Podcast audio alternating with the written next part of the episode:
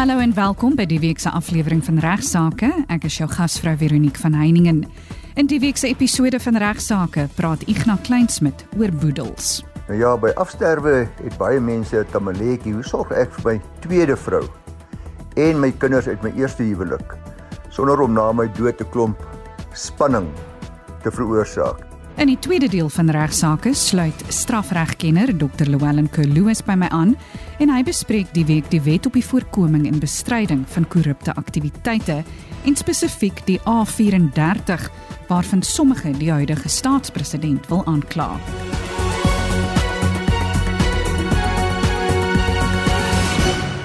Ons skop die program nou af met Igna wat 'n luisteraarsbrief van 'n weduwee bespreek wat verband hou met haar oorlede man se boedel. Goeiemôre Veronique en goeiemôre luisteraars. So lekker om weer met u te gesels hierdie maandagooggend. Nou ja, by afsterwe het baie mense 'n tamaletjie. Hoe sorg ek vir my tweede vrou en my kinders uit my eerste huwelik sonder om na my dood te klomp spanning te veroorsaak. Ek het 'n skrywe ontvang van 'n 76-jarige weduwee wat haar lot bekla omdat sy van 'n klomp vreemde mense 'n trust afhanklik is. Sy het stiefkinders wat by haar dood erf. Ek gaan net klein stukkies uit haar brief lees, maar hierdie navraag gee vir my die kans om verskeie opsies vir ons luisteraars te gee oor hoe hulle testamente voorsiening kan maak vir die langslewende in 'n poging om geen spanning na dood te veroorsaak nie. Sy sê sy is 33 jaar getroud met 'n boer en hy is onlangs skielik oorlede en sy testament van 23 jaar gelede is opgestel deur 'n bank. Alles word verkoop en 'n trust word gestig. Nou sê sy ek is dus afhanklik van die rente van die beleggings tot by my dood en na my dood erf sy kinders. Ek wonder of ander weduwees ook dieselfde gevoel het dat ek verklaar is tot 'n minderjarige kind of 'n seniele bejaarde aan gesiglose mense, dis nou die trustees van die bank se trust, moet ek my behoeftes verklaar en hulle moet ten alle koste die kinders se erfporsie teen my beskerm. Die eerste is dat ek die afreggeld wat ek en my man bymekaar gemaak het, dat dit nou die erfgeld is waarop ek nou teenstand gekry het van een van die stiefkinders toe ek vir die trust vra vir 'n voertuig. Dit het bylaat voel dat 'n geskeide persoon soms meer regte het as die weduwee. Ek is seker daarvan dat my oorlede man nie hierdie gebeure voorsien het nie en dat hy slegte raad gekry het van die bank. Ek het 'n behoefte gehad aan 'n handleiding wat vir my die volgende verantwoordelikhede verduidelik. Wat is die regte en verantwoordelikhede van die benoemdes in die testament? Wat is die verantwoordelikheid van die meester, van die testateur, van die boedelbrederaar en veral dan van die trustees van die bank? Nou die situasie wat die luisteraars skets luisteraars is redelik algemeen. Ons vind dit baie gereeld in praktyk en dit bring ons by die ou vraag: hoe 'n man in sy testament vir sy vrou wat nie die ma van sy kinders is nie, voorsiening kan maak. Of andersom, hoe die vrou in haar testament, want dit is baie keer andersom ook, in haar testament vir haar man kan sorg wat nie die pa van haar kinders is nie. Ek het soos altyd uh, wanneer ek met boedel en testament sake werk, ons boedel en testament spesialis Volker Kreer van van Velden Duffy se hulp ingeroep en hy sê dit reg waar die langslewende ook die ma en pa van die kinders is, dan is dit baie eenvoudiger. In so 'n geval is die eersterwende gewoonlik die aanvaarde die langslewende na sy of haar erfsterwe sal sorg dat hulle kinders erf. So jy vertrou die langslewende. Die testament kan dus eenvoudig wees en in baie gevalle is dit so dat die langslewende die enigste erfgenaam is en dan wanneer die langslewende dan eendag doodgaan, slaat testament bepaal dat die kinders erf sonder enige komplikasies waar die langslewende egter nie die ma of die pa is soos in hierdie geval, is daar maar altyd 'n bekommernis dat die langslewende nie sal sorg dat die kinders na sy of haar afsterwe erf nie. En dan erf 'n trust dikwels soos in hierdie geval alles. Nou kom ons kyk na die geval waar die man eers sterf, soos wat by die luisteraar gebeur het. Dan is daar 'n paar opsies sê of sê Volker waar die man kan kyk om vir die vrou te sorg maar ook seker te maak dat sy kinders uiteindelik erf. Ongelukkig is daar nie 'n eenvoudige antwoord wat almal tevrede gaan stel nie en elkeen se realiteite is natuurlik so 'n bietjie anders. Eerstens kan ons natuurlik van 'n vruggebruik gebruik maak. Hy kan sy hele boedel of sekere bates aan sy kinders bemaak onder die ewig aan 'n langslewende vruggebruik te gunste van sy vrou. Dit beteken nou dat die vrou vir die res van haar lewe die voordeel van die bates het asof sy die eienaar daarvan was. Dis belangrik ook vir ons luisteraar. Sy kan dit egter nie sonder die toestemming van die kinders verkoop nie. Dis haar enigste beperking. En na haar afsterwe verval die vruggebruik en word die kinders outomaties dan die volle eienaars van die bates. In so 'n geval is dit belangrik om die testament nie net van die vruggebruik te verwys nie, maar ook onder andere duidelik voor te skryf wie die bates moet onderhou, wie hulle moet verseker, wie die kostes betaal, soos byvoorbeeld munisipale belastings, water, ligte en al daai dinge. So wees maar liewers te volledig en gee liewers te veel detail om te sorg dat daar geen onsekerheid is oor wat die vruggebruik alles behels nie. Dan in 'n tweede plek kan die man natuurlik ook oorweeg om 'n uh, trustvoorsiening voor te maak soos in hierdie geval.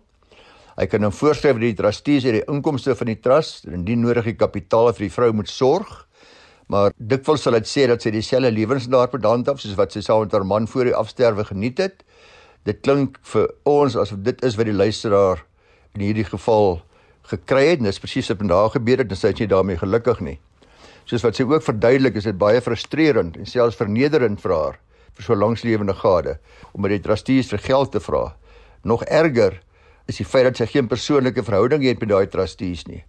Hulle is gesiglose mense wat daar in hoë geboue iewers in die stad sit en wat sy nog nooit ontmoet het nie. Die aanwys van die regte trustees is dus volgens Volker en ek sê 100% saam 'n baie belangrike besluit waar 'n mens die trustroete sou volg verkieslik moet 'n mens iemand kies as trustees wat die partye goed geken het, wat die partye vertrou en met wie hulle 'n vorm van 'n verhouding het ook na dood en wat hulle vermoedig het om mee te gesels. Die luisteraar verwys dan ook dat teestand wat sy van een van die kinders gekry het, toe sy vir 'n voertuig gevra het. Ek vermoed dat die bank die trustee is en nie die kinders nie. Die luisteraar hoef egter nie te veel aan die kinders se opinies en klagtes te steur nie. Ek weet dit is nou onaangenaam en en sy voel seer gemaak, maar sy moet maar net sorg dat die kommunikasiekanale tussen haar en die bankamptenare, die trustees, oop bly sodat hulle haar hopelik redelik sal behandel. Hopelik laat hulle haar nie soos 'n nommer voel nie. Goed, dankie Ignas. Nou die luisteraar verwys ook na die feit dat hulle ten alle koste die kinders se erfporsie teen haar moet beskerm. Sy wil ook weet wat die verantwoordelikhede dan van die banktrust is. Ja, Veronique, die kans dat die betrokke testament sê dat die bank as trustee ten alle koste die kinders se erfporsie teen haar moet beskerm, dink ek is mynsins siens baie skraal. Dis miskien maar haar persepsie wat sy het dat dit die bankamptenare se houding is, maar dit behoort beslis nie die bank se houding te wees nie want ek is redelik seker daarvan. Ek het nou net die trust akte onder oë gehad nie. Dat die trust akte sê dat sy behoorlik onderhou moet word uit die opbrengs van sekere trust bates hoeveel sy uit die trust moet kry hang uiteraard af van presies hoe die testament in die trust akte bewoord is. Die bank moet as trustee die uitvoering aan die bepalinge van die testament gee. As hulle dit nie doen nie kan sy hulle verklaar Volker sê sy kan byvoorbeeld by die bestuurder waaronder die betrokke bank val begin.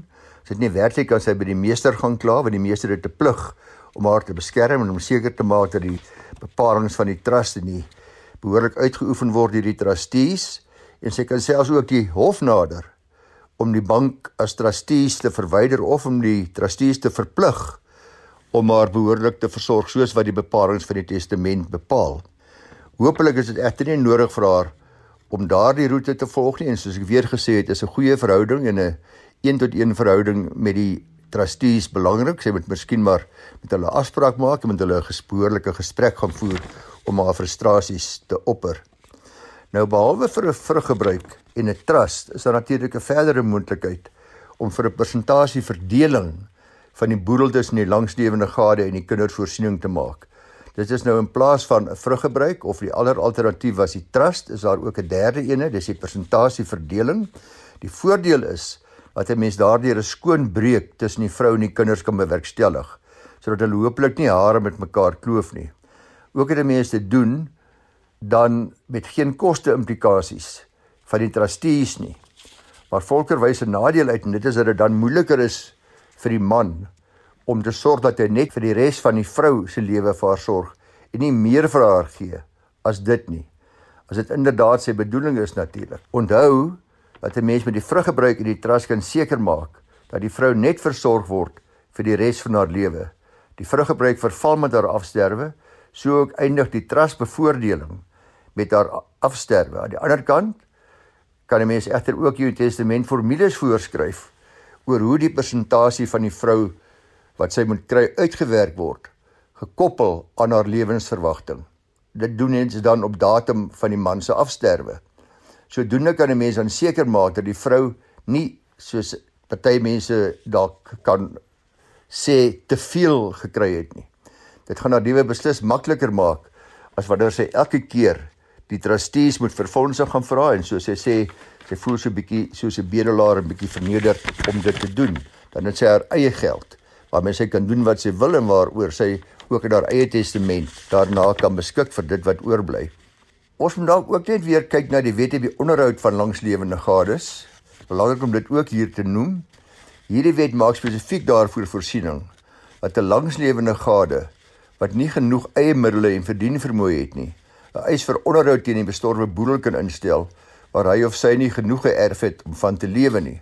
Volgens die wet moet faktore soos die duur van die huwelik en hulle lewensstandaard voor die afsterwe in ag geneem word. Dit is 'n baie belangrike klousule hierdie in die wet op onderhoud van langslewende gades en dit maak voorsiening vir die vrou wat tot 'n baie groot mate afhanklik was van die versorging van haar man wat nou oorlede is en wat daar 'n redelike boedel is. Dit word dan bereken presies volgens haar lewensverwagting wat min of meer aktuarieel sy geregtig op is om van te lewe tot haar lewensverwagting verby is en dis gewoonlik redelike groot bedrag afhangende natuurlik van die ouderdom op datum van afsterwe van die persoon wat onderhou moet word. Maar vrouens wat dus bang is buite gemeenskap van goedere veral dat hulle niks gaan erf nie en dat hulle totaal afhanklik is van die onderhoud van hulle mans kan op hierdie wet staat maak sodat hulle versorg kan word uit die boedel na afsterwe. Volker sê hy sou ook nie aanbeveel dat 'n mens in die testament soos in die luisteraar se geval voorskryf dat alles verkoop moet word nie. Hy sou eerder aan die eksekuteur en die erfgename dit oorlaat om na aanleiding van die omstandighede op daardie stadium te besluit of hulle wil verkoop. Ek stem 100% saam want mense kan dan die mark op daardie stadium behoorlik in ag neem om te besluit of jy sekere bates gaan verkoop sê dan maar vaste eiendom mag 'n baie slegte tyd wees om te verkoop mag 'n baie laag laagste deel van die mark wees op daai stadium. Hulle kan dan met ander woorde diskresie hê om te verkoop al dan nie. As jy egter die testament bepaal dat dit verkoop moet word, dan het die testateurs, die eksekuteur, nie 'n keuse nie en kan hulle byvoorbeeld gedwing word om vir baie swak prys in moeilike omstandighede 'n bate van die hand te sit. Dit is dit is nou die die eksekuteurs. So baie dankie. Ek hoop ek het vir 'n klomp mense wat luister, 'n klomp van ons luisteraars dit baie duideliker gemaak oor wat hulle opsies is by afsterwe van die langslewende, so ook vir ons luisteraars wat ingeskryf het en baie dankie ook aan Volker vir sy bydrae tot hierdie antwoord. Maar net weer 'n keer Veronique, vriendelike versoek aan al die luisteraars om nie moeite te doen om my telefoonnommer in die hande te kry nie want ek gaan nie en ek kan nie vir u telefonies vir advies bedien. U is welkom om na my te skryf as jy 'n saak het van algemene belang na Igna by vvd.co.za. Ek luister graag saam met julle na die tweede helfte van hierdie program wanneer Veronique met haar spesialis gas gesels. Dankie Igna. Die week sluit strafregkenner Dr. Llewellyn Kerloos weer by my aan. En hy praat die week oor 'n onderwerp wat Suid-Afrikaners lekker warm onder die kraag het. Die wet op die voorkoming en bestryding van korrupte aktiwiteite. Dit is Wet 12 van 2004, oftewel die sogenaamde Prekka-wet en raak spesifiek aan die A34 of artikel 34 waarvan sommige die huidige staatspresident ook wil aankla. Welkom terug by regsaake Dr. Kerloos en baie dankie vir jou tyd. Nou dokter, kan jy vir ons asseblief agtergrond gee oor hierdie wet op die voorkoming en bestryding van korrupte aktiwiteite? Nou vir die van ons wat nie bekend is met hierdie wet nie, dit is die wet waar volgens ons huidige president Cyril Ramaphosa klaarblyklik van sy geld weggesteek het onder die matras en dit wat daaruit voorgesprei het. Dit was die relevante wet wat toepassing gevind het of moontlik in die toekoms nog gaan toepassing vind om daardie toedrag van sake natuurlik te ondersoek.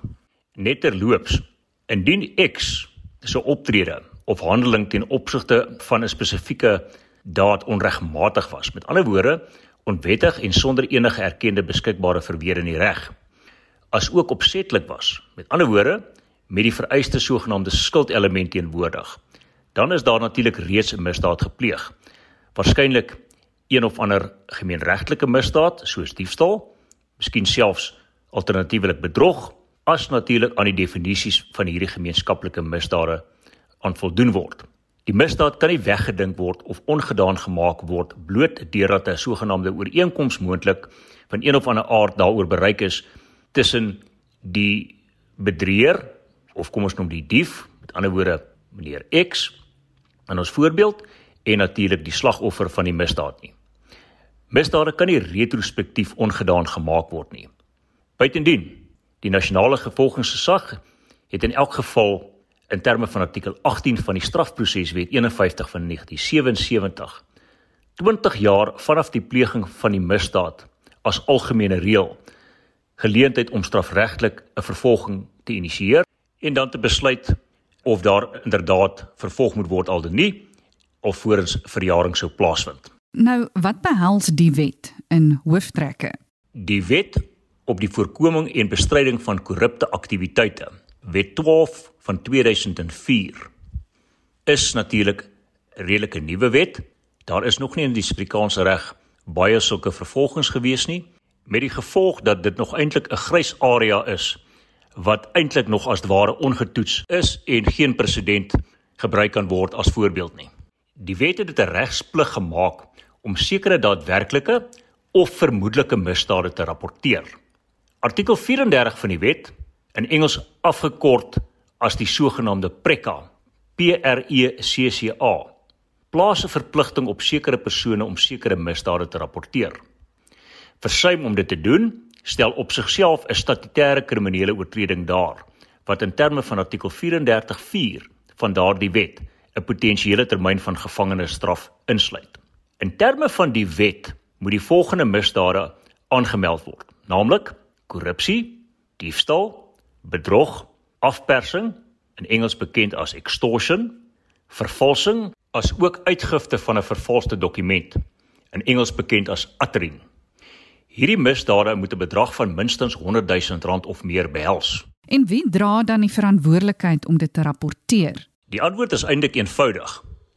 Enige persoon wat 'n posisie van gesag, soos wat dit gedefinieer is in artikel 34.4 dra en wat weet of redelikerwys moes geweet het of verself vermoed het dat enige ander persoon 'n misdaad van korrupsie ingevolge artikel 3 tot 16 van daardie wet of 20 tot 21 as ook diefstal, bedrog, afpersing of vervalsing en uitgawe van 'n vervalste dokument gepleeg het en waarvan die bedrag natuurlik die 100 000 rand kerf wat ek genoem het oorskry het, dra daardie verantwoordelikheid. Die wet plaas op sodanige persoon 'n verpligting, want die wet praat van moet. 'n Persoon persoon moet sy kennis of vermoede hieroor rapporteer of toesien dat dit gerapporteer word. Die Engelse teks wat geteken is deur die president lees ek al aan or cause such knowledge or suspicion to be reported. Unquote. Dit moet aan die volke met ander woorde die direktoraat van prioriteitsmisdaadondersoeke, die DPMO, in Engels bekend as the Directorate for Priority Crime Investigation of the DPCI rapporteer word. Om die waarheid te sê, as 'n mens kyk na artikel 34.1 van die wet, saamgelees met die Suid-Afrikaanse Polisie Diens Wysigingswet Wet 10 van 2012, dan blyk dit te wees dat sodanige persoon sy vermoede of kennis moet openbaar aan 'n lid van die polisie. In Engels word gepraat van 'n police official wat spesifiek vir die volke werk. My persoonlike interpretasie van die wetgewing is dat daar geen definitiewe gestipuleerde tydsbepalings voorgeskryf word waarbinne so 'n insident aangemeld moet word nie. Ek doen egter aan die hand dat dit gedoen moet word so gou as moontlik nadat u u eie interne ondersoek hieroor voltooi het. Nou, hoe gaan 'n mens te werk om in praktyk aan die verpligting te voldoen? Deur dit te rapporteer, word u onthef van die verpligting deur hierdie wetgewing aan u opgelê. Onthou om vir 'n sogenaamde kwitansie te vra vanaf die DPMO en dit te bewaar. Dit beteken geensins dat 'n strafregtelike ondersoek noodwendig sal volg nie. Aangesien daardie diskresie en besluit om ingevolge 'n rapport wat gemaak is verder te handel, uitsluitlik berus by die DPMO. Die formaat van rapportering varieer. Daar is wel 'n voorgeskrewe vorm beskikbaar waar volgens die rapportering behoort te geskied op die SAPD se webtuiste. Hierdie vorm is egter hopeloos te kort vir doeleindes van kommersiële misdaad. Hierdie aangeleentheid weet ons almal word dikwels dan aangevul met 'n ondersteunende eetsverklaring en ander stawende dokumente. So, die vraag wat gevra word is: stel daardie artikel 34 rapporteringsverslag dan 'n saaknommer daar? Die antwoord is nee. Die DPMO gee bloot 'n verwysingsnommer en nie 'n SAPD saaknommer nie.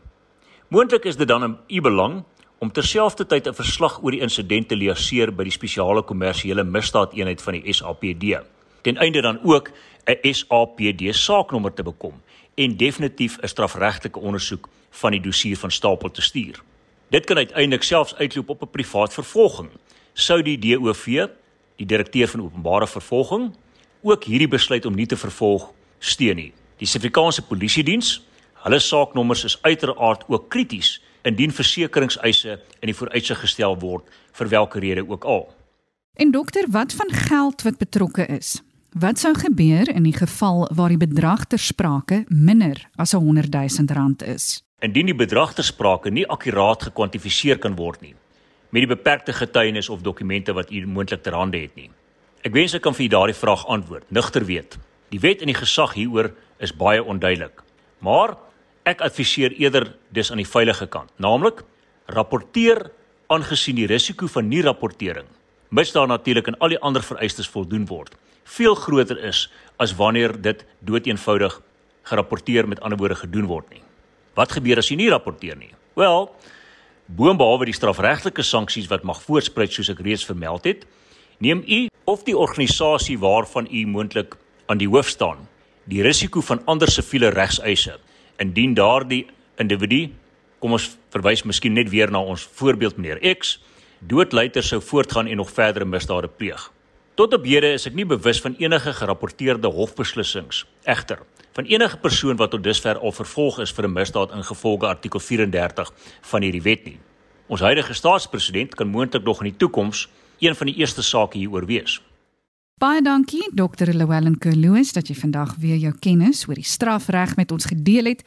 Ek seker ons gaan in die komende weke in die media meer te hore kry van spesifiek hierdie wet wat vandag bespreek is, wat natuurlik tans met ons staatspresident se Pala Pala saak verband hou.